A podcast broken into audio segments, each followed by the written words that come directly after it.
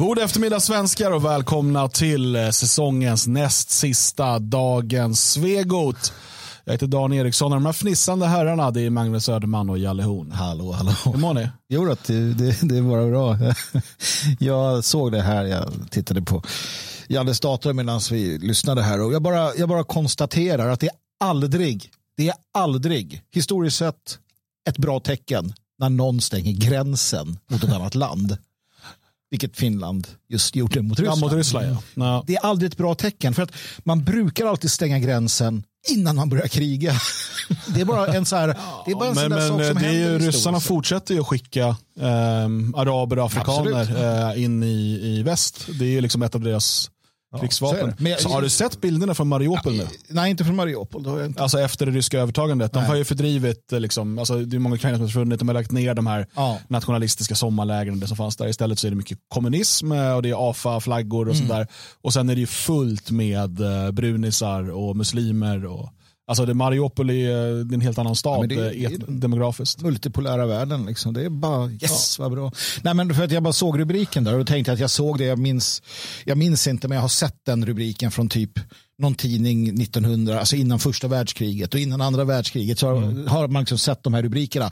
Hmm, stänger gränsen mot, hmm, stänger och jag bara okej, nej men då, då var det den tiden på året. Ja, Ja. Mm, nej, det var därför, och det var därför jag skrattade för jag tänkte fan, lika bra kanske. Men hörni, ska det behöva vara så här? Att vi har alltså partiledare i Sveriges riksdag som nästan mördar folk. Nej, det är, det, är- det är vidrigt. Vidrigt är det. Hur tror ni kvinnan mår som åt den här korven som Jimmy Åkesson gav till Stefan Löfven? Alltså inte just den korven, men samma typ av korv. Och svimmade. Nu är polisen inkopplad. Bakom korvföretaget står Jimmy Åkessons talskrivare. Det är Carolina, Carolina Reaper, extremt stark säger han som har företaget. då.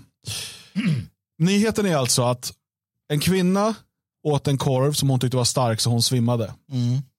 Ett, om du är en sån som svimmar av stark mat, ät inte stark mat. Nej, det kan vara... Alltså, Men det kan också vara första gången hon provar ja, stark hon mat. prövar sina gränser och den korven, det var gränsen. Den stora nyheten är också då att det är alltså Jimmy Åkessons talskrivare som äger det här korvföretaget. Jag undrar, betalar Alltså det det? här, jag tror att det här är en del av eh, Sverigedemokraternas planerade folkmord. Ja, eller, eller jag undrar om det betalar så Med dåligt chili att och korvar griper vi makten. talskrivare åt Jimmy Åkesson. Sista slakten är något helt annat än vad ni trodde. Hur kan det betala så lite? Att han, är han både talskrivare och korvfabrikör? Det är ju fantastisk, en fantastisk kombo. Tänk att få ha det på visitkortet. Vad jobbar ni med här Söderman? Jag är talskrivare åt Jimmy Åkesson och korvfabrikör. Får det vara en eh, korv? Får det vara, nej, får det vara ett tal? Vill fröken ha en korv? Ja, tack. Ah. Så svimmar hon. Ja, men eh, det var allt vi hade att prata om idag i alla fall. Ja, precis. Korvnyheterna är slut för idag så att vi har inget mer att prata om. Um, imorgon då ska vi gå in på charkdisken eh, och se vad vi kan hitta för rasism där. Jag tycker ändå att det är en bra, en bra inledning på dagens program. Eh, Någonstans så ligger det här i nivå. Med i alla fall vissa saker vi kommer få se. jag menar, han kan inte vara sämre talskrivare än Magdalena Anderssons i alla fall. Nej, så missa namnet. Ja, vi kommer väl komma till det misstänker jag. Dan Eriksson, take it away. Ja, ni tänker att eh, det är slut på småpratandet och vi behöver gå in på det viktiga. Kött och potatis. Oj, ja, nej, eh, korv och eh, makaroner. Korv och mos.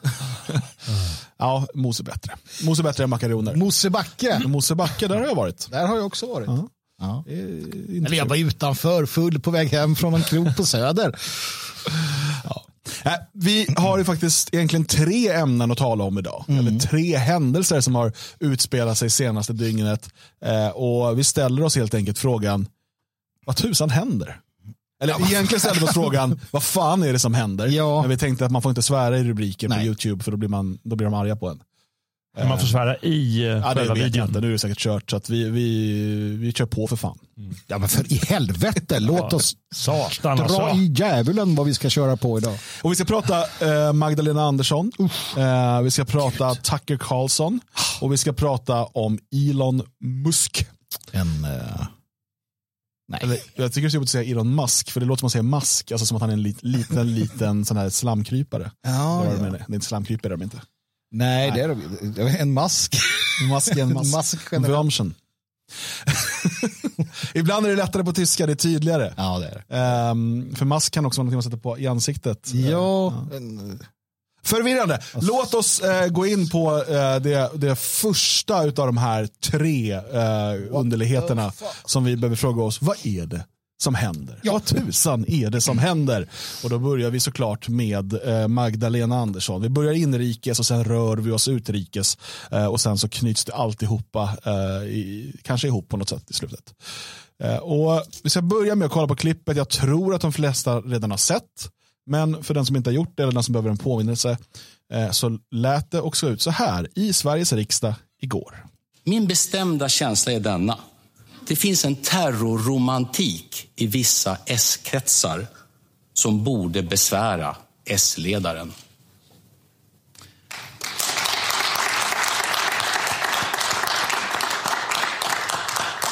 Slutreplik, Magdalena Andersson. Ulf Kristersson, herr talman, Ulf Kristersson, anklagar du Jamal Hamas för att ha- vara en terrorromantiker?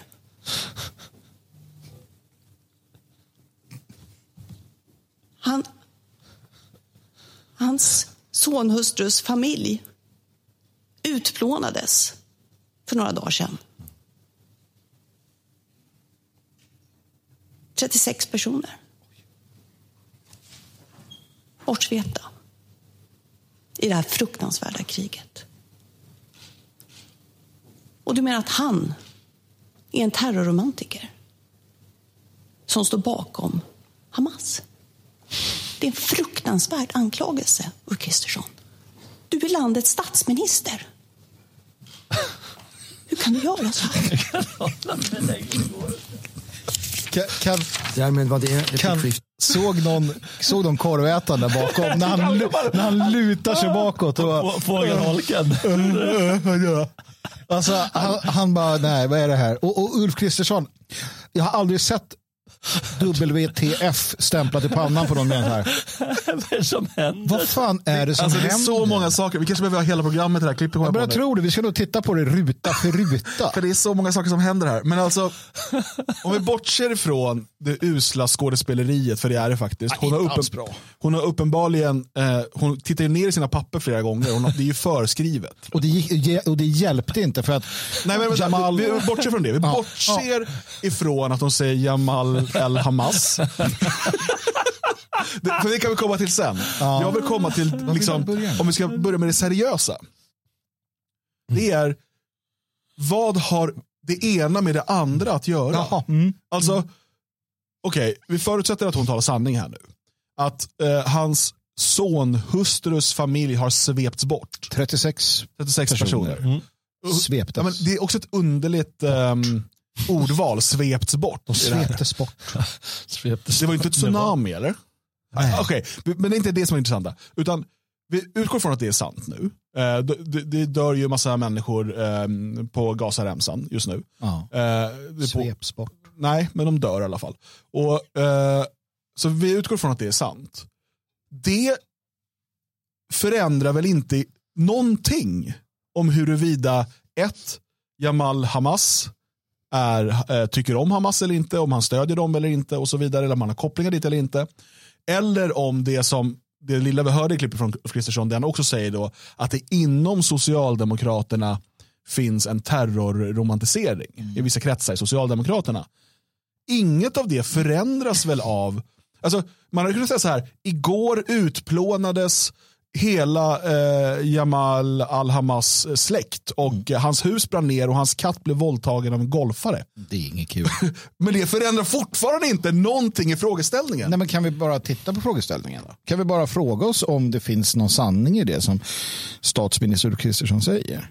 Att det finns en terrorromantik. Jag vill i sådana fall föra till bordet tavlan i Malmö på eh, Almatea-bombarna. De terroristerna som sprängde den här Almatea-båten och mördade människor.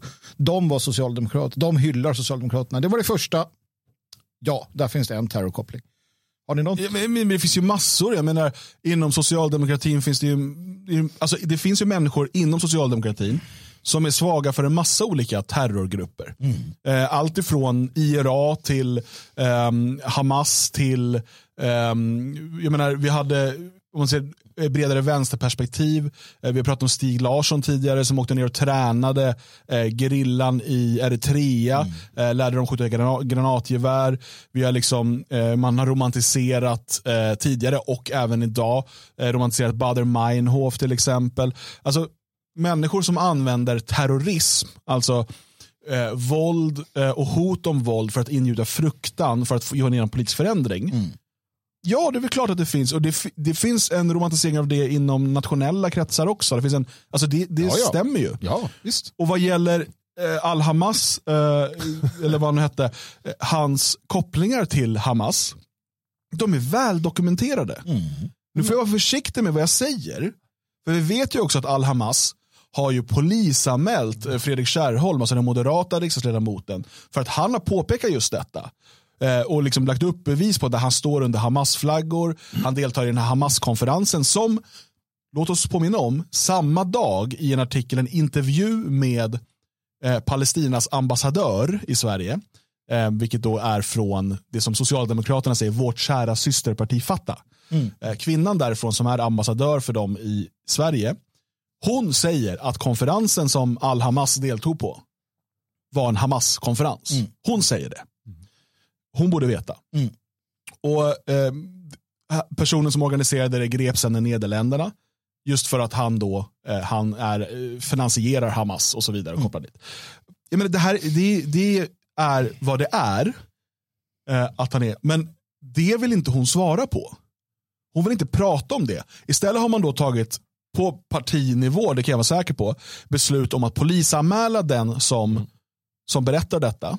Det är första gången i Sveriges historia som en riksdagsledamot polisanmäler en annan för förtal istället för att ta en debatt. Och sen vägrar konsekvent svara på frågor. När frågan nu istället riktas till partiledare Magdalena Andersson, då låtsas hon börja gråta och pratar om hur hans släkt mår. Nej men inte nog med det. Vad, vad, är det för, vad säger hon på slutet? Menar du att den här Hamas-killen, eh, han, han hette ju det tydligen, att han stöder Hamas? Men vad har det med saken att göra om hans eh, släkt blev utplånad? Jag fattar inte, fattar inte greppet. Eh, Det är ju förstås frå, fr- frågan, och ställ, eller det hon säger, ställ inga frågor. Det är givetvis vad hon säger, men vad, vad har, jag fattar liksom inte, vem har kokat ihop det här låtsastalet? För det betyder ju ingenting det hon säger. Alltså, de hävdar ju då att hon blir på riktigt eh, chockad och upprörd. Och, och det är rätt kul att se. För jag tycker att, för det man ser är så det är, när, hon har ju väntat länge på för att, att det här ska komma in på något sätt. Hon har väntat in det sist. Och man ser liksom hur hon, när Ulf Kristersson börjar prata, hon förstår att nu kommer det. Då någonstans, redan där börjar hon så förbereda sig för att leverera det här. Den där naturliga chocken som jag läste DN hävdade att den fanns i grunden, den finns ju överhuvudtaget inte där. Utan det är ju som ni säger, hon har ju, hon har ju väntat på, på detta ehm, för att få ta upp det här. Och, och, och, och hur vet vi det? Jo, vi vet det för att det passar inte riktigt in. Nej. Alltså, hon vill ha sagt något om, om eh, Jamal El-Haj, eh, eller Hamas som han också heter. Och, och de har ju så här, det här är det bästa vi kan gå på. Men eh, Kristersson levererar uppenbarligen inte exakt det hon vill ha. Så att då så här, äh, men jag får ta den här. Ebba Busch gjorde något liknande förut när hon fick in något så här riktigt konstigt i något så här, ja men titta här. Och, så här. och det är så de jobbar. Och det är därför vi vet att det är ren jävla hittepå. Va? Ja, nej, det är riktigt dåligt. Det är precis som du säger. Det är, det är verkligen pinsamt. Eh, De måste klämma till med det här. Jag menar, de, de, hela dräkten och alltihop utstrålar någon sorts, nu ska jag föra fram det här. Och, eh, eh, hennes, hur hon är fönad och, och rubbet. Va? Hon är som skådespelare på scen. Det är, eller försökte skådespelare ska vi säga. Ja, men kom ihåg nu. Kom ihåg nu vad vi pratade om för jag vet inte några månader sedan. Hur hon och Bo- Bodin åkte till USA, satte sig ner med, med eh, Demokraterna, Demokraternas främsta såna politiska strateg och bråkstake och lärde sig vad då? Jo, hur man använder sig av liksom, tekniker för att polarisera, för att piska upp hat och så vidare. Eh, och det är ju precis det de gör. Hon har ju följt den boken, ja, den absolut. demokratiska spelboken, hela vägen. Med demokratiska menar jag partiet Ja, demokrat. precis. precis. Inte statsskicket. Nej, inte statsskicket demokratiskt. Eh, nej, eh, och så är det. Och vi ska snart tala om varför hon gör så här. Vad är det hon vill uppnå? Jag vill bara att vi ska titta på ett klipp från TV4-nyheterna också. Eh, där då ehm, Jamal El-Hamas eh, får frågor och vägrar svara på detta. Kom ihåg nu, han har alltså polisanmält, med partiets stöd, en annan riksdagsledamot för att den personen har pekat ut kopplingarna som finns mellan han och Hamas. Då eh, säger han så här när han ska få eh, frågor från TV4. Vi undrar om vi får göra en intervju med dig. Ja, nej, jag ställer inte upp på intervjuer, tack. Varför då? Jag har inga kommentarer. Den här frågan handlar mycket om vad du tycker om Hamas. Kan du tänka dig svara på det? Nej. Vad beror det på här på? För att många undrar ju... Det här skulle ju kunna bli en mindre kontrovers om du kanske svarade på den frågan. Nej, jag vill inte kommentera det. Finns det någon gång i framtiden du kan tänka dig prata om det? Ja, absolut. Efter domstolen. Varför vill du vänta på domstolen? Ja, jag vill inte kommentera det. Det där, det där beteendet, man, jag har inte varit i samma situation, men nästan ibland har man hamnat lite sådär. Och jag vet varför han säger som han gör. För ett, han sympatiserar med Hamas. Två, han väntar på att Socialdemokraterna, han väntar på att partiet ska berätta för honom hur han ska säga. Partiet vet att han är sympatiserar med Hamas på ett eller annat sätt. Eh, För att när du bete, annars hade han sagt, nej för fan heller, Hamas kan dra åt helvete. Det här blev ju en nyhet. Eh, han, han går inte med på att ta avstånd. Han liksom vill inte ens prata. Han skyller då på den här rättegången som han själv har initierat. Det är också så här, så nu ska inte jag svara på frågor från media eh, om mina kopplingar eh, till en terrorklassad organisation. Eh, för att jag har polisanmält någon annan. Ja, visst. Va? det kan inte funka som ursäkt. Eh, men eh, det här blir ju snabbt en snackis varpå Socialdemokraternas presstjänst hör av sig till TV4 och meddelar att eh, jo då, han tar avstånd, starkt avstånd.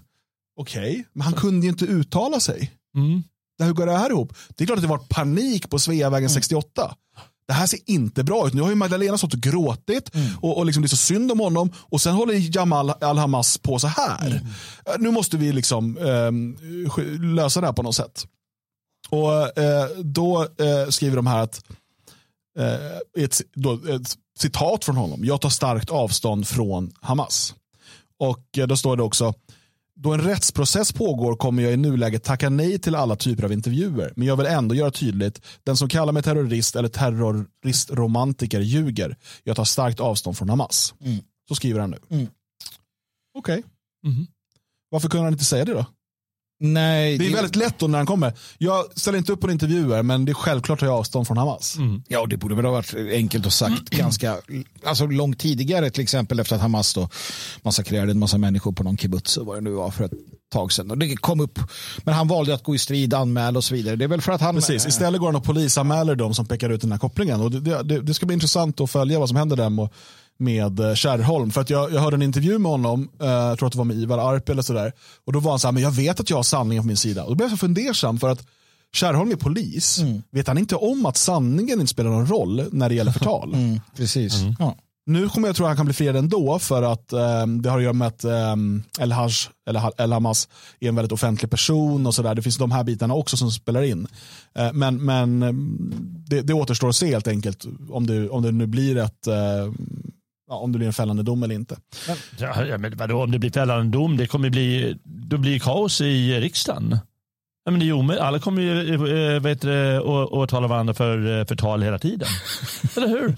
Det är ju självklart, för de kommer ju med någon sån här sorts eh, uttalanden hela tiden. Men det jag tror många tycker är obegripligt i sammanhanget är ju varför i hela fridens namn hur kan det vara så svårt att ta, ta avstånd från Hamas för Socialdemokraterna? Ja, precis. Ja, men det- Hur de- kan det vara ett problem? Och det är här vi kommer till pudens eh, kärna. Har, har de överhuvudtaget gjort det sen eh, de här Hamas-killarna gled in på sina flygare och eh, pepprade? De har ju inte gjort det så här starkt Nej, offentligt. jag, Magdalena Andersson gjorde ett litet sånt eh, fördömande då Mm. i med partiledardebatten som var i samma helg. Det var väl på söndagen tror jag och det här inleddes på lördagen.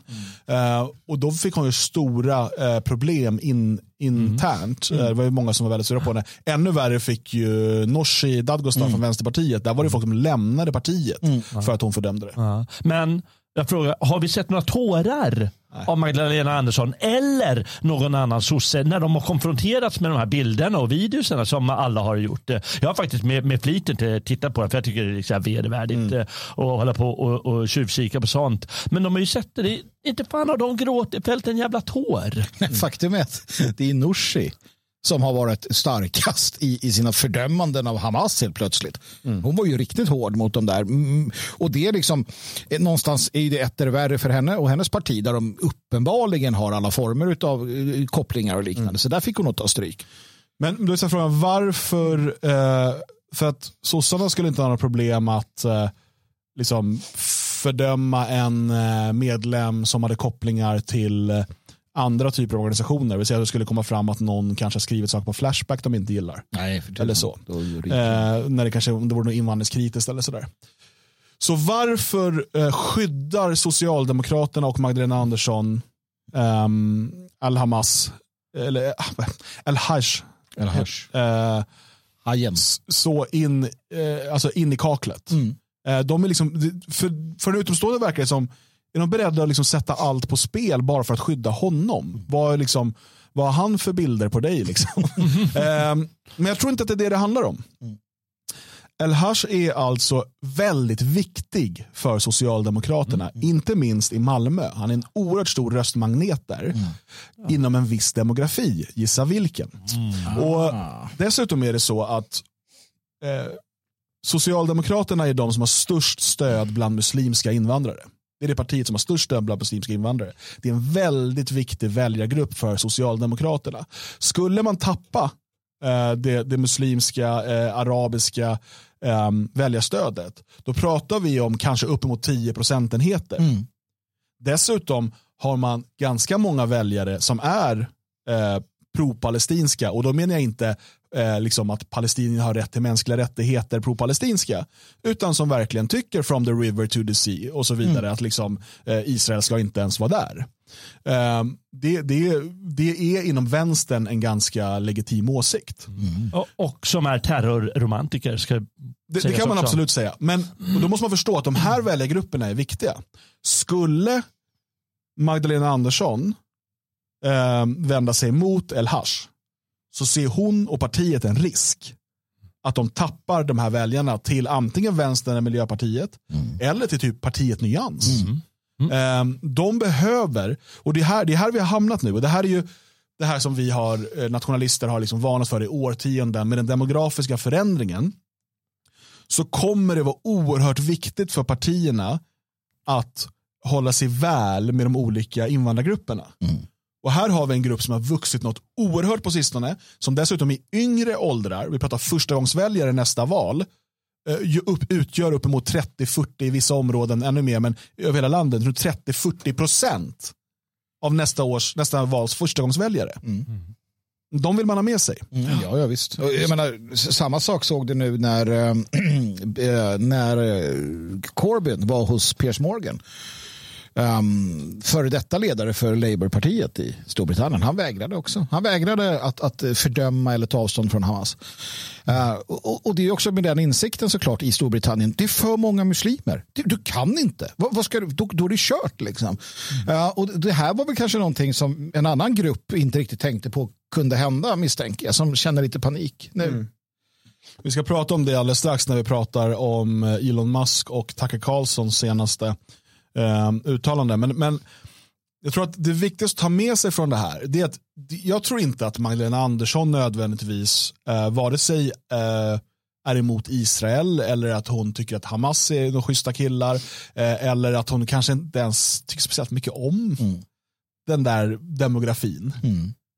Men hon är en maktmänniska, hennes parti är maktspelare.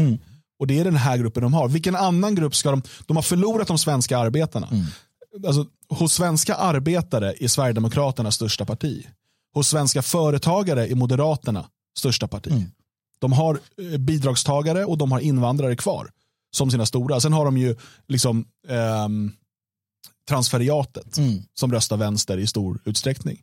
Det är det de har. Så det är liksom höjda bidrag, eh, mer byråkrati och absolut inte få liksom de här invandrargrupperna emot sig. Man vet också hur effektiva de här grupperna är när de väl sätter igång. Titta bara på den här kampanjen mot svensk socialtjänst. Vilket genomslag den har fått. Och kan du då eh, kan, den här, kan man få igång samma apparat, samma hårda press mot att ni får inte rösta på Socialdemokraterna. Om imamerna börjar säga ni får inte rösta på Socialdemokraterna för de har svikit broder eh, El Hash. Då ligger de risigt till. Då är Socialdemokraterna körda. Men jag, jag, tycker vi ska ta, jag tycker bara vi ska ta det som en sån här liten sak. Ta den till oss och, och lägg den in i, i, i sinnet där. Du sa någonting väldigt, väldigt intressant. Att eh, sossarna kanske har uppemot 10 procent.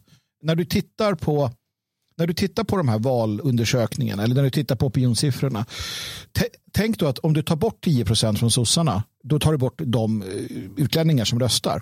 För att förstå demografin och för att förstå problemet. För jag tror att du har helt rätt. Och när du sa det så bara slog det till så här. Ja, men det, det är så man vill se någonstans kan man liksom ta bort utlänningarna för att se hur det står. För att man blir ju, man blir ju, det såg jag på Twitter, det var många när den här opinionsundersökningen kom, så hur fan kan de ha så mycket? Jag menar så, alltså, och det betyder ju också att eh, när du ser procenten för till exempel Sverigedemokraterna, eh, då den här demografin eh, vattnar ju ur de siffrorna också, eftersom att det är procent av hela. Precis. Det betyder att skulle vi eh, gå ner till, vi säger europeer, hur de röstar, för vi vet att många europeiska invandrare röstar på eh, Sverigedemokraterna till exempel. Skulle vi gå ner på europeer eh, så skulle förmodligen antingen SD och S vara lika stora, om inte SD till och med större. Eh, och det här vet man, alltså, det här är inga hemligheter på Sveavägen, utan eh, man vet att det som är tungan på vågen, det är att försöka hålla liksom, vad ska man säga, basväljarna, transferiatet, eh, liksom, stora delar av fackföreningsrörelsen och sådär, förutom själva arbetarna. eh, försöka hålla dem glada, se till att de liksom stannar hos oss och baka in dem i den här eh, djupa staten-arbetet vi håller på med. Eh, och sen har vi invandrargrupperna. Eh, och det är det viktigt nu, för det hon vill göra det är att utmåla Kristersson, det här som är hela tiden. Eh, dels Kristersson som Sverigedemokraternas eh, lilla bitch. Eh, och dels Kristersson då som eh, någon typ av hot emot muslimer och invandrare i Sverige. Hade hon kunnat så hade hon kört på med den här socialtjänstpropagandan. Eh, propagandan. För i alla fall nu under liksom Moderaternas eh, regeringsinnehav. Och, och bara en sista sak där också. Ehm, glöm aldrig ehm, Socialdemokraternas eh, de facto eh, avtalsunderteckning med muslimerna, Muslimska brödraskapet etc. i Sverige sedan 20 år tillbaka där man, man kom överens om att vi gör det här för er och ni ser till att, att muslimerna röstar på oss. Det står alltså svart och vitt på papper. Det finns där. Eh, inga konstigheter. Och det här, led, det här följer ju det. De, de kan inte, det står i avtalet, de kan inte bara ta avstånd från palestinska Hamas eller, eller, inte de, ja, eller sådär, hur som helst. Liksom. Det går inte. Nej. Eh, Jag tycker det finns en positiv eh, sida av den här storyn eh, och eh, det är ju att de eh, uppenbarligen är desperata sossarna. För eh, Annars hade man betett sig normalt. Alltså nu måste vi ta till någon särskild åtgärd för att kontra det här, tänker de. Och eh, de har ju misslyckats ganska mycket. Det har ju blivit viralt och ofta är det ju bra bara att synas och så. Men på något sätt gör de en löjlig figur av sig. Eh, Och eh, det är bra. Ja, men det är bra. Och det är det som händer. Det var det som hände. Vad fan var det som hände? Jo, det var det, det, var det här som hände. Eh, ni får prata på, jag måste gå och ta ett samtal. Ja, men absolut. absolut. Ja, men då kanske vi kan stanna vid det. För att eh, jag tänker att Dan får leda oss in på, eh, på nästa sen. Ja, för det var en sak som du sa. ehm, att de, hon har gjort sig till en löjlig figur. Och, och det ser man också förutom den här muslimska, liksom, alltså den polariseringen. Så det jag har kunnat se också lite grann nu, det är också att matriarkatet kliver ju in och skyddar sin olyckssyster. Ja, herregud vad pinsamt det blir. Eh, Inte, jag ska säga inte enigt. För Inte jag, jag enigt. läste flera som tycker att ja, herregud vad är det som händer? som vi frågar oss. Jo, precis. Men, Men, men, men, några har ju klippt in och, och, och stött henne. Ja. ja. Sen kan man ju konstatera att det här hade inte hänt om vi hade haft eh, det som det var förr. Innan den här stora eh, strömmen av eh, kvinnfolk tog sig in. Mm. Den här känslomässigheten som tillåts bli en del av realpolitiken. Det, det är ytterst problematiskt för det blir liksom ovärdigt är ett ord men det blir också någonstans bara en löjlig figur av allting. Ja, det är ju risk för det. Och eh, ja, vi kan inte konstatera annat än att sådana som Magdalena Andersson eller den här gamla miljöparti Romson och den sortens figurer, de, de, de skapar den känslan i, eh, i riksdagen och det, det är inte så att riksdagen tjänar på det. Nej, och sen, sen kan man ju säga det bara för att så, en sån som Barbro Westerholm till exempel. Hon var ju inte av den kalibern. Nej. Jag kan tycka vad jag vill om henne och hennes gärning men hon var ju ingen jävla uttömt. Nej, precis. Men, men det som är sämst när det gäller eh, den här gråt och den här känslomässigheten som kommer in i riksdagen och så, det är att den är en del av polariseringen. Eftersom känslor, det är en grej. Ja, men jag, jag, jag, jag blir verkligen berörd på det liksom grundläggande sätt eller djupt i mig av det här. Det är ett sätt, jag tar ställning för det här och då när det är känslor inblandat, då tar du känslor för det där. För det är så det funkar eh, på, på den sortens spelplan. Istället för att det är liksom den eh, intelligenta debatten som härskar. Och det är inte bra. Eh, det kan man inte säga. Så är det.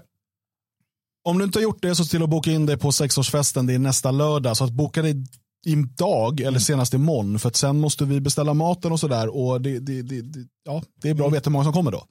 Eh, så att in på detfriasverige.se. Högst upp så har du en banner. Eh, det kommer bli skitkul. Eh, ta, ta vara på de sista platserna här helt enkelt. Eh, vi ska prata om två stycken personer och händelser till. Tucker Carlson och Elon Musk. Som båda eh, hamnar väl i blåsväder med jämna mellanrum. Eh, men det är ganska kopplat till det här faktiskt. Det är väldigt intressant. Eh, och den delen är bara för dig som är stödprenumerant eller om du är med och tittar live. Så att om du tittar eller lyssnar i efterhand och inte är stödprenumerant då behöver du gå in på svegot.se support och så tecknar du en stödprenumeration där så får du tillgång till det här och alla andra avsnitt i efterhand. Men för er som eh, kollar live eh, eller som är stödprenumeranter så fortsätter programmet här. Eh, lika, en halvtimme till ungefär så att då kör vi. Jag tänker att vi ska börja med eh, Tucker Carlson. Eh, för att eh, han gjorde en intervju med Candace Owens. Eh, republikan är hon va? Ja, precis. Konservativ opinionsbildare. Konservativ opinionsbildare. Eh, och eh, han säger saker i det klippet som jag tycker är väldigt intressanta. Men jag tänker att vi ska få lite kontext genom att titta på en lite längre del av eh, intervjun. Eh, för det finns flera saker som är intressant här. Och jag, ska, jag har eh, tagit fina anteckningar här så att jag ska kunna spola fram till, till rätt ställe för oss. Ehm, så att vi ska börja 14.10 in i den här. Twitter spelare är inte lika lätt att hitta på som på YouTubes. Men du gör ett bra jobb. Jag gör mitt bästa. Ehm, om, om internet fungerar. Ja, det vore ju för jävla dumt. Annars är den här sändningen rätt dålig också. Ja, precis. Ja, Så, ja. så händer det saker. Mm, ja, här. Ska vi se. 14.10 spårar vi fram till. Tack så mycket. Här någonstans. Eh, och då låter det så här. truth, and now we have more death in inner city communities than we had before. Yes. Um, these these riots and these George Floyd protests calling for defunding of the police. And I think in terms of this, that's what's also happened is that people that are pro-Israel are pro-Israel. A lot of them because they have family members in Hey, I Israel. get it. They I have homes in Yes, Israel, yes. and so they feel very attached to this issue. And you know, I was very happy to host somebody who was pro-Israel. He's a pro-Israel comedian on my show the other day, and I explained this to him. I said, you know, you are demanding that we have this same response that you are having about what people are saying on college campuses.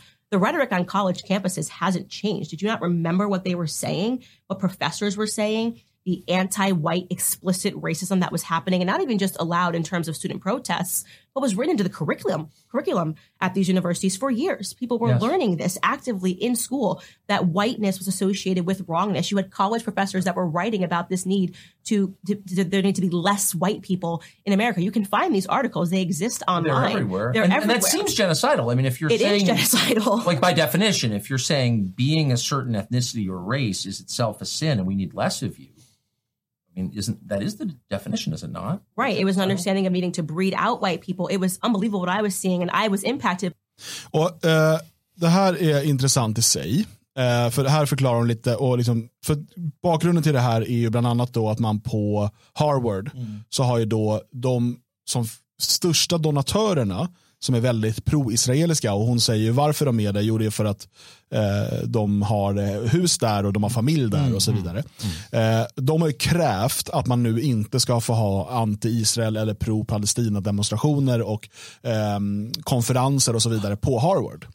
Eh, och, och medan då Candace Owens står här och, och uppenbarligen då även ehm, Tucker eh, och ser hyckleriet i det här. Men vänta, ni har inte haft några problem med att man till och med då i läroplanen, eller vad man ska kalla det för, eh, har eh, haft med antivit rasism hela tiden. Ni, är- och sådär. Och, och det här går, liksom, blir ännu tydligare lite längre in i intervjun.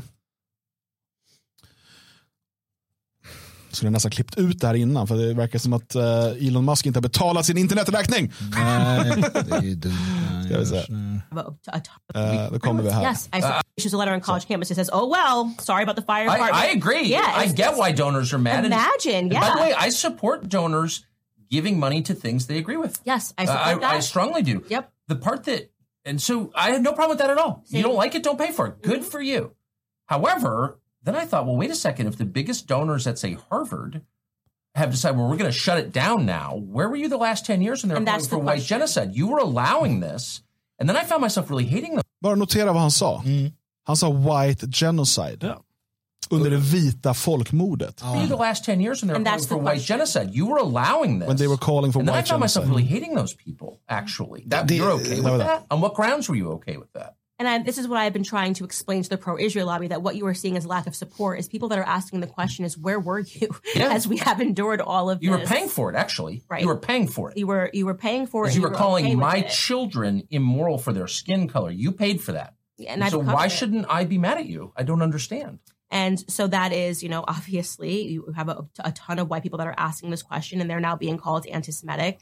And I think that that's wrong. I think these are meaningful questions that deserve to be answered. Why was this uh, this sort of verbiage allowed into the curriculum? I mean, could you imagine if in the curriculum it said that every every Jewish person born is a terrorist?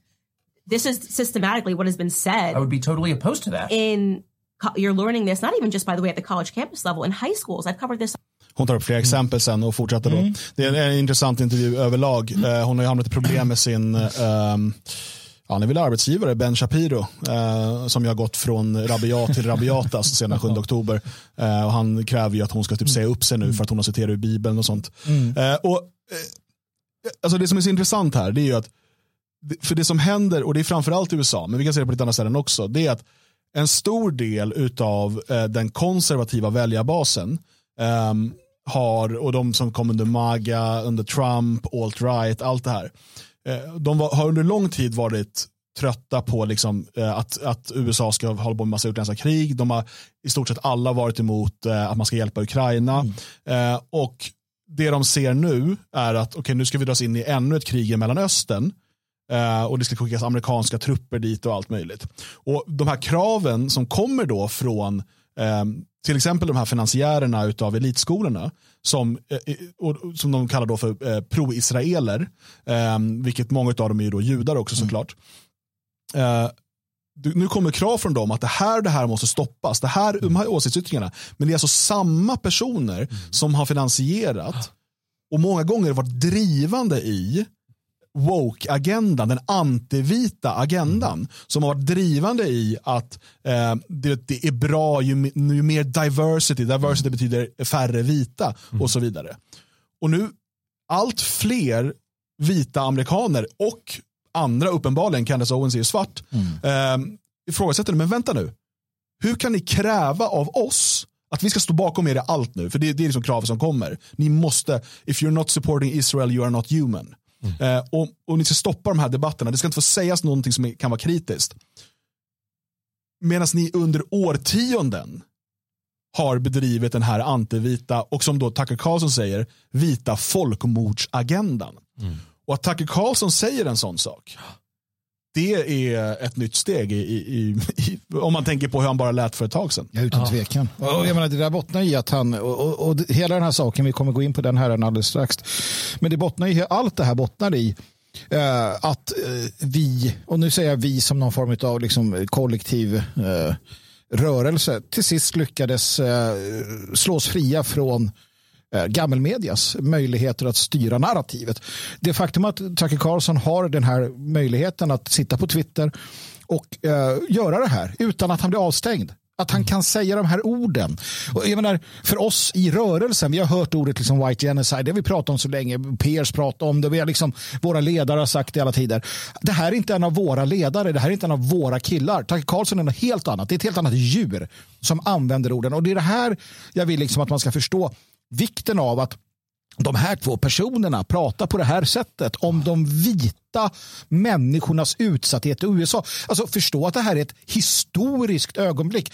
Kära lyssnare, kära tittare, du är med om någonting historiskt. Du är med om ett, ett oerhört ögonblick i vår ras liksom, eh, sprattlande för att klara av den här tid vi lever i. Det här händer framför våra ögon. Det är hur stort som helst. Tyvärr kommer de flesta inte fatta vad de är med om. Men, men det är så. Med, med den liksom bredden på eh, hur budskapet kommer ut. Det faktum att, att så många människor nu får ännu mer förståelse för vad som händer. Och Det är människor som frivilligt lyssnar på Tucker Carlson vilket gör att de är en del av ett, ett, ett segment som är lite mer intresserat och lite mer liksom villigt att agera också. Mm. Eh, Man får också blicka, eh, upp blicken för eh, vad, de faktiskt, vad de faktiskt läser där på, ja, men det är ju en jättestor grej i USA det här. För det handlar om hur landet har grundats och det pågår en väldigt stor strid att nej men de grundlagarna som skapades de var rasistiska. Egentligen skapades med, med slavbåtarna och så vidare försöker då den här svarta.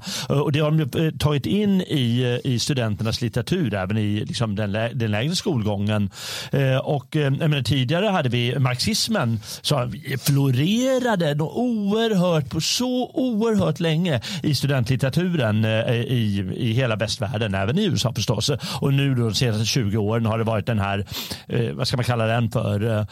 Woke ja, Woke-agendan antivit. i alla fall med den här anti, vi- vit, kritisk, vit teori Mm. eller vad fan det heter. Och den här sortens feminism som är en annan del av problemet.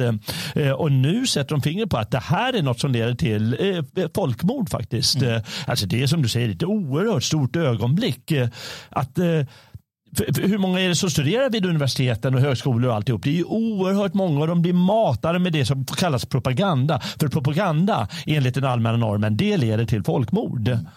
Ja, Det, är, det är fantastiskt. Ja, eh, och eh, jag tror att vet, det är som att eh, den här, det här hyckleriet som finns kring de här frågorna, det, det liksom håller liksom inte längre. Och eh, Jag har sett till exempel eh, flera klipp här med intervjuer med eh, heter han Bill, Bill Maher. Bill, Mm, Bill Maher. Bill Liberal. Ja, och stor Israelvän. Stor Israel. Ehm, som, ja, men han bara liksom, eh, han, han älskar att vita, alltså, det här är en person, han kräver då att folk ska vara liksom lojala till Israel och så vidare. Eh, kan jag bara lyssna på det här, hur han uttalar sig eh, när han var gäst hos Triggernometry, heter de tror jag. Då lät det så här. I mean, I remember being in England first time in the 80s, and it was very different. Yeah. very different. How so? Well, first of all, London was like all white, Yeah. Yeah. It was. you know, so can we just celebrate that victory that we made a place more diverse and not, you know, you never get a pat on the back. No. The people who like achieve, I feel like, in that area. There's only like, there's more to do. Of course, there's more to do. but can we just get a little? Hey, I think I, I think I read in Andrew Sullivan's column like London went from like uh, 36% to like 86% people of color or something like that. No, maybe that's too mm. high, but some, something like, like, a 50, yeah. like a 50 yeah. point yeah. swing, 50 points in two generations, three generations. Mm. Okay, that's progress. I, am not a bad person to like clap for progress. Ja, jag tycker det här är fantastiskt. Ja. För det som händer nu, och det är det här som sådana som Bill Maher inte förstår, det är att, vad heter det, var någon, det här är någon, säkert någon jag vet inte, det är I mean, Ja, det är en ganska populär YouTube-kanal Precis. med, eh, de är någon typ av konservativa Ja. tror jag, men, ja.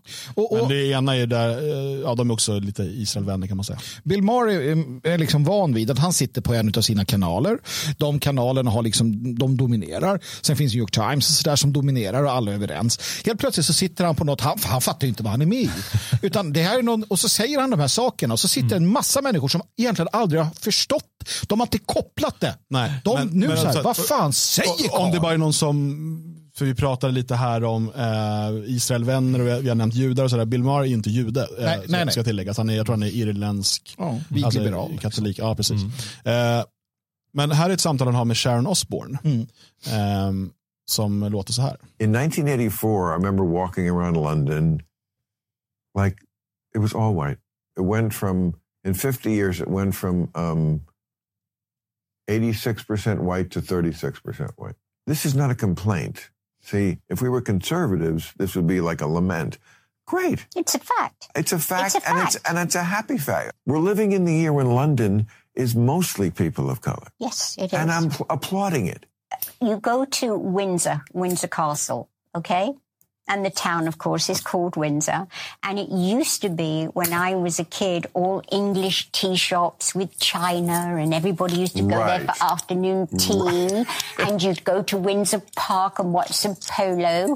And now you go around there, there's no more fucking tea shops. Right. None of that. Right. It's Arabic restaurants. Right. It's Jamaican restaurants. It's Chinese. It is Right. a complete and utter melting And pot. And it's great. And it's great. great.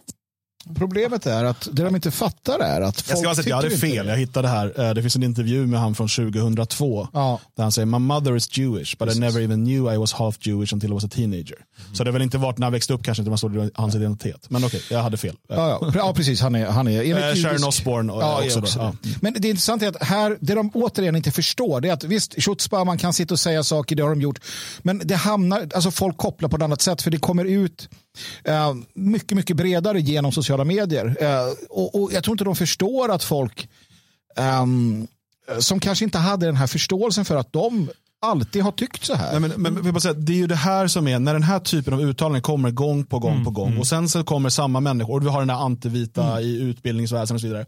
Och sen så, så sker det som sker nu i, i Israel och Palestina. Och då kommer det från liksom samma människor som applåderar att vita byts ut, att liksom allt det här. Eh, då säger de, nu måste ni stödja, vi har rätt till ett eget hemland. Vi ska ha ett judiskt hemland. Och, så här, och, och, att, och att då se hur Tucker Carlson, och vi kommer snart in på Elon Musk, hur de säger, men vänta nu, det här håller inte längre.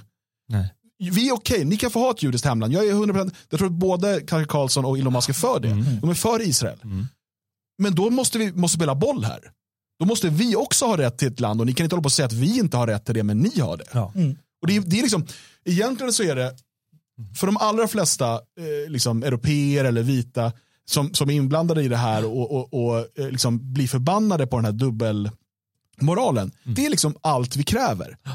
Absolut, vi kan ge er den, men då ska ni inte, då ska vi spela på samma planhalva här. Då ska ju ni kämpa lika mycket för vår rätt till ett eget land. Eh, Det är intressant för det är, det är nästan samma desperation som finns hos sossarna. Som man ser hos de här eh, grupperna som kräver att man ska, vara, eh, man ska stödja Israel eh, 100%. Eh, För tidigare de har ju trott att de kan domesticera den här nya befolkningen då, i London till exempel och på andra platser. Eh, Och det kan de inte. Och de kan inte domesticera de vita heller som säger nej men vi kan inte, vi, vi kan inte stödja det där. Det, det funkar inte. Vad, vad får vi ut av det? Vi, vi har ju bara fått skit eh, hela tiden. Det leder till white genocide. Eh, Så de är desperata och därav den här hållningen. Nu kräver vi att ni är- är 100% för just det här. Men, men det, Desperation. Precis, och jag tror att jag tror att de, de, en av de saker som händer nu det är att så här, alltså vårt, om vi tar det vita västerlandet, det finns en ingrodd, om du tittar på, på liksom folknivåer, det finns en, någonting som vi är och vi är, det är det här med att det ska vara sportsligt. Vi gillar inte hyckleri, vi gillar inte, vi kan förstå delvis, men det ska vara sportsligt, det ska vara schysst. Um, och, och jag menar, ta vilket jävla midsommarfirande som helst om de börjar fuska i gänget. Och bara, mm. sluta. Det ska vara schysst när vi spelar krocket. Liksom. Eh, och det vi inser nu, på, på, på liksom en polis, det det är inte schysst, det är inte sportsligt längre. Det, det, det har aldrig varit det. Och många börjar säga, men för i helvete, har ni hållit på så här? Vi har ju spelat schysst. Och, och det, är en, det är ett uppvaknande av något på ett helt annat sätt. Det är inte att förstå liksom, de stora politiska rörelserna, det är att förstå att det finns en orättvisa och vi hatar orättvisor. Precis, och låt oss då gå in på Elon Musk. För att ehm, det är, ehm, det här på Twitter, det, det, det, ja, det, det, Vad fan är det som händer? Ja, vad är det som händer? Det är. Charles, We- Nu- We- nu Charles, Charles. Weber, eh, som beskriver sig själv, själv som Jewish conservative from South Florida. Eh, han lägger upp, han, han är arg på folk som skriver eh, Hitler hade rätt. Eh, om du har något att säga, kom och säg det till våra ansikten. Och så är det någon sån här reklamfilm mot antisemitism. Och då får han ett svar eh, från en person som jag inte känner till. Det, det är liksom, han verkar inte liksom vara en kändis eller sådär. The artist formerly known as Eric. Han skriver, och jag läser på engelska nu. Okay, Jewish communities have been pushing the, ex the exact kind of dialectical hatred against whites that they claim to want people to stop using against them. I am deeply disinterested in giving the tiniest shit now about Western Jewish populations coming to the disturbing realization that those hordes of minorities that support flood, flooding their countries don't exactly like them too much. You want truth said to your face, there it is. Okay. Att han skriver det här, det är ingen nyhet. Alltså det är en person med 3000 följare, det är någon som... Mm, vi har sagt ja, det många gånger. Ja, många av eh, oss. under det kommer ett svar från Elon Musk.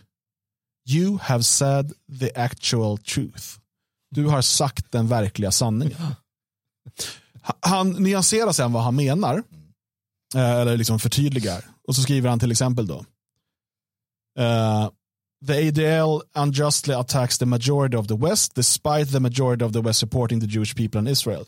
This is because they cannot by their own tenets criticize the minority groups who are their uh, primary threat. It's not right and needs to stop. Det finns ett senare också eh, inlägg uh, där han också då uh, här uh, och då, för han får, får då uh, mothugg som säger yes but this is not fair to say or truthful to say that Jewish communities promote dialectical hatred towards white. Say what you want about the ADL but don't generalize the Jewish community. Och då säger han You're right uh, that this does not extend to all Jewish communities but it is also not just limited to ADL. Och då, där lyfter han det ännu mer för att det betyder att det handlar inte bara om den här konflikten han har med ADL som ju försöker stoppa honom. Utan det finns fler grupper inom eh, den judiska diasporan som eh, han menar ligger bakom där. Och, alltså, Elon Musk går ut och, och liksom, han har inte behövt lägga sig i det här. Nej, verkligen inte. Ja. Han, han inser det här som vi sa med rättvisan, att det är något ohedligt här. Nej, men det har ju varit en hel del sådana här. Jag såg du att man nämnde Kissinger i, i chatten. Ja, han, han lyckades ju vräka ur sig en intressant sak för inte så länge sedan heller. När han sa det att det var inte alls bra det här man hade gjort med, med massinvandring och mångkultur. Det var ingen bra idé för Tysklands räkning i det fallet. Och det, det som vi ser nu är ju hur den judiska minoriteten i land efter land, eh, som du var inne på, vi pratade om det här tidigare som vanligt i våra redaktionsmöten och du Dan sa att Frankrike lämnade dem ju för några år sedan. Liksom. De drog. Det, alltså judarna Ja, det blir för mycket muslimer och, och antisemitism. Och vi har haft kippavandringarna i Malmö och så vidare. Och den här Malmö har ju gått tjatet. från flera tusen judar som bodde där till Ja. typ 300 nu eller något sånt där. Och, och, och det är liksom ja, surt, surt sa räven. För att det är bara så att den judiska minoriteten, eh, stora delar av av den och, och, och så har spelat ett spel, ett högt spel. Man vill ha fler minoriteter för att det inte är bra att vara ensam minoritet. Och det är fullt förståeligt. Alltså den judiska maktstrukturens arbete i Sverige under många år. Det är helt naturligt att jobba som de har gjort för att slippa vara den ensamma minoriteten. Esterna likadant, eh, som man tar upp i, i Hur Sverige blev en mångkultur, den boken. Nu beter det i arslet. Oj då. För det som han säger i den här Twitter-tråden, nu, nu, det de lyckades med det var att de inte har sett det komma. De tar in hundratusentals muslimer från länder som hatar, alltså hatar judar på ett sätt som få människor gör. Och man tar in dem och så här, nej men de ska vara här och det är mångkultur. Och sen så får, blir det så här. Alltså, ja, äg, hacka det- i er vad ni har ställt till med för er själva. Ja, jo, ja. Men, men det är just det här, men varför ger sig Elon Musk in i det här? Och varför, varför säger Tucker Carlson som han gör nu? Det, det är ju någonting annat som liksom bubblar under ytan här. För det här är, vi kan konstatera att det är två personer som förmodligen, framförallt Elon Musk har ju det man brukar kalla för fuck off-kapital. Han behöver inte bry sig, liksom. han, han kommer klara sig finansiellt även om de stryper i stort sett allt för honom. Eh, och, och Tucker Carlson vet jag inte, jag antar att han har det ganska Ja, ja. gott ställt. Han har det gott ställt. Eh, jag vet inte vem som finansierar hans nuvarande show, om det är annonsörer eller om det är eh, liksom, eh, vad ska man säga, politiska intressen eller vad, det än är. Men att Tucker Carlson pratar om white genocide och, och liksom, de går emot den här pro-israeliska lobbyn där. Och liksom säger det att ni, ja, men, för, ni, samma personer som stödjer white genocide, folkmord på vita, kräver nu att det ska vara tyst om allt som kan kritisera den judiska staten. Ehm, och eh, Elon Musk eh, går in och som, alltså i, I gammelmedia har man ju idag skrivit att Elon Musk nu eh, promotar den, den som största eh, judiska eller antisemitiska konspirationsteorin. Alltså att judar skulle på något sätt då vilja eller sprida hat mot vita och sådär. Eh, men att de här, de, de gör det nu. Och, och jag tycker mig ha kunnat snappa upp dessutom att det finns ganska breda lager i USA eh, bland de här konservativa republikanerna och så vidare som eh, håller på att bryta helt med det vi skulle kunna kalla för APAC-republikanerna. Mm. det, det är på väg liksom att växa fram en ny rörelse där. Och till viss del hänger den ihop med Trump och magarörelsen, men Trump är ju en, en stor eh, Israelvän och, och, och, och så. Det är liksom inget, ingen snack om saken. Eh, däremot har han ju varit uttalad mot att USA ska vara med i massa krig och sånt. Ehm, så att det är väldigt intressant utveckling där på andra sidan pölen. Ja, det är det, Ehm, är och, och det är uppenbarligen någonting som kokar i, i grunden. Ja, ett är värre någonstans för dem i Europa. För att i, Europa har vi ändå haft en, en, eh, en vänsterintellektuell rörelse som har varit i, liksom ganska grundmurat antisionistisk i vart fall. Alltså, man, man gillar inte, eh, man gillar inte liksom den typen av judisk överhöghetstänkande som har varit. Och, eh, jag, jag vill bara liksom, det, det finns ju judiska röster som har, har försökt prata om det här. Du har en, en person som heter Israel Shahak eh, som skrev en bok eh, som är lite svår att få tag på för tillfället. Eh, Judisk historia, judisk religion, tyngden av 3000 år. Där han konstaterar, och det har också andra gjort, de säger, och de, de får alltid epitetet självhatande judar nämligen. Och de säger så här att vi måste sluta med en massa saker som vi gör som folkkollektiv. Och så radar de upp de här oftast. För annars slutar det varje gång på samma sätt. Och så tar han då i det här fallet upp 3000 år utav progromer, 3000 år utav att bli utskickad ur länder, 3000 år utav att hamna i trassel. Och så säger de här judarna, och det är ganska få, men de säger att vi måste någonstans vara självkritiska.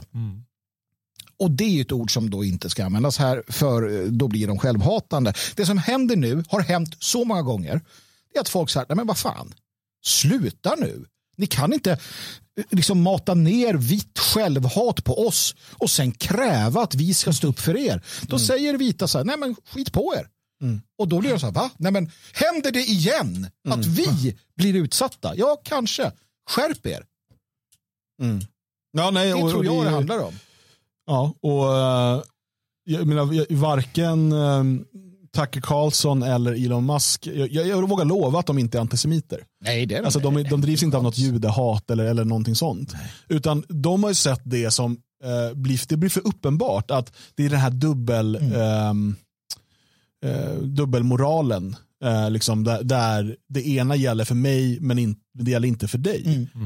Och det är det som man liksom reagerar emot. Mm. Eh, Det var det man gjorde, de pratade till exempel då om de som eh, finansierar Harvard och eh, Elon Musk pratar om olika lobbygrupper som ADL till exempel.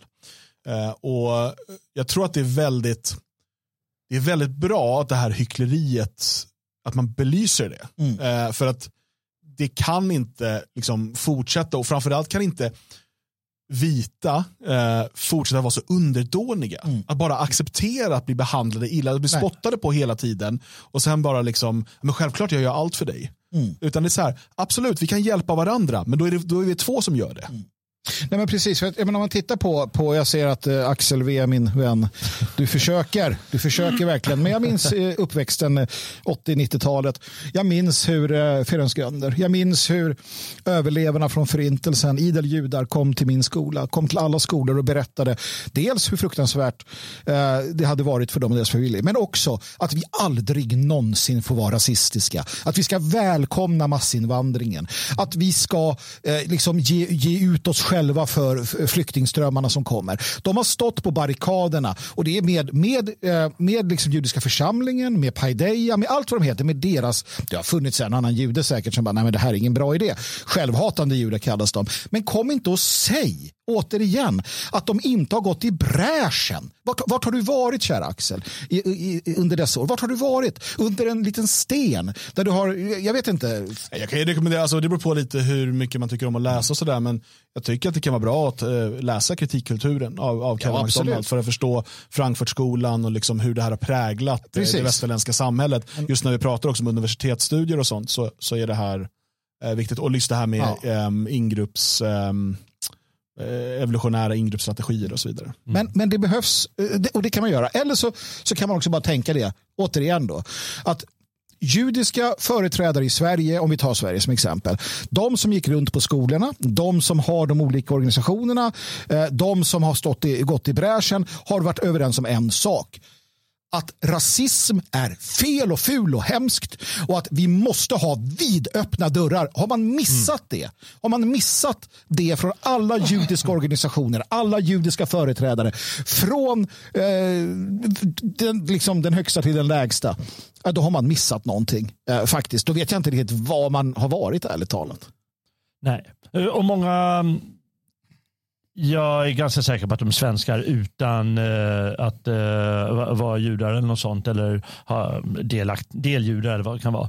Eh, har jag träffat alltså i eh, skolor som har arbetat med det här och de har alla Oavsett vilken politisk tillhörighet de har, har de alla välkomnat mångkultur och i samma veva kört eh, de här, eh, om det här måste ni berätta och, och allt det där narrativet. Eh, Så, så de två sakerna de hänger ihop så jäkla tajt. Men sen, det- har ju kommit som ett eh, bryskt uppvaknande för eh, judar i väst nu. Alltså att, oj, där hände någonting. Eh, Vi fick ett typ av strömavbrott och det tog ett tag att lösa. Eh, Det gjorde också att vi ja, inte kunde slutföra sändningen så som vi ville. Eh, Men vi kan plocka upp den bollen i morgondagens program. Ehm, vi låter också det här avsnittet ligga ute även för dig som inte är stödprenumerant. Ehm, och ja, jag hoppas att du fick ut någonting av programmet ändå. Det var en timmes eh, intressanta samtal. Ehm, imorgon är det säsongsavslutning. Eh, 14.00 sänder vi live. Eh, hoppas du är med oss då. Och hoppas elen är med oss då. Ha det bäst.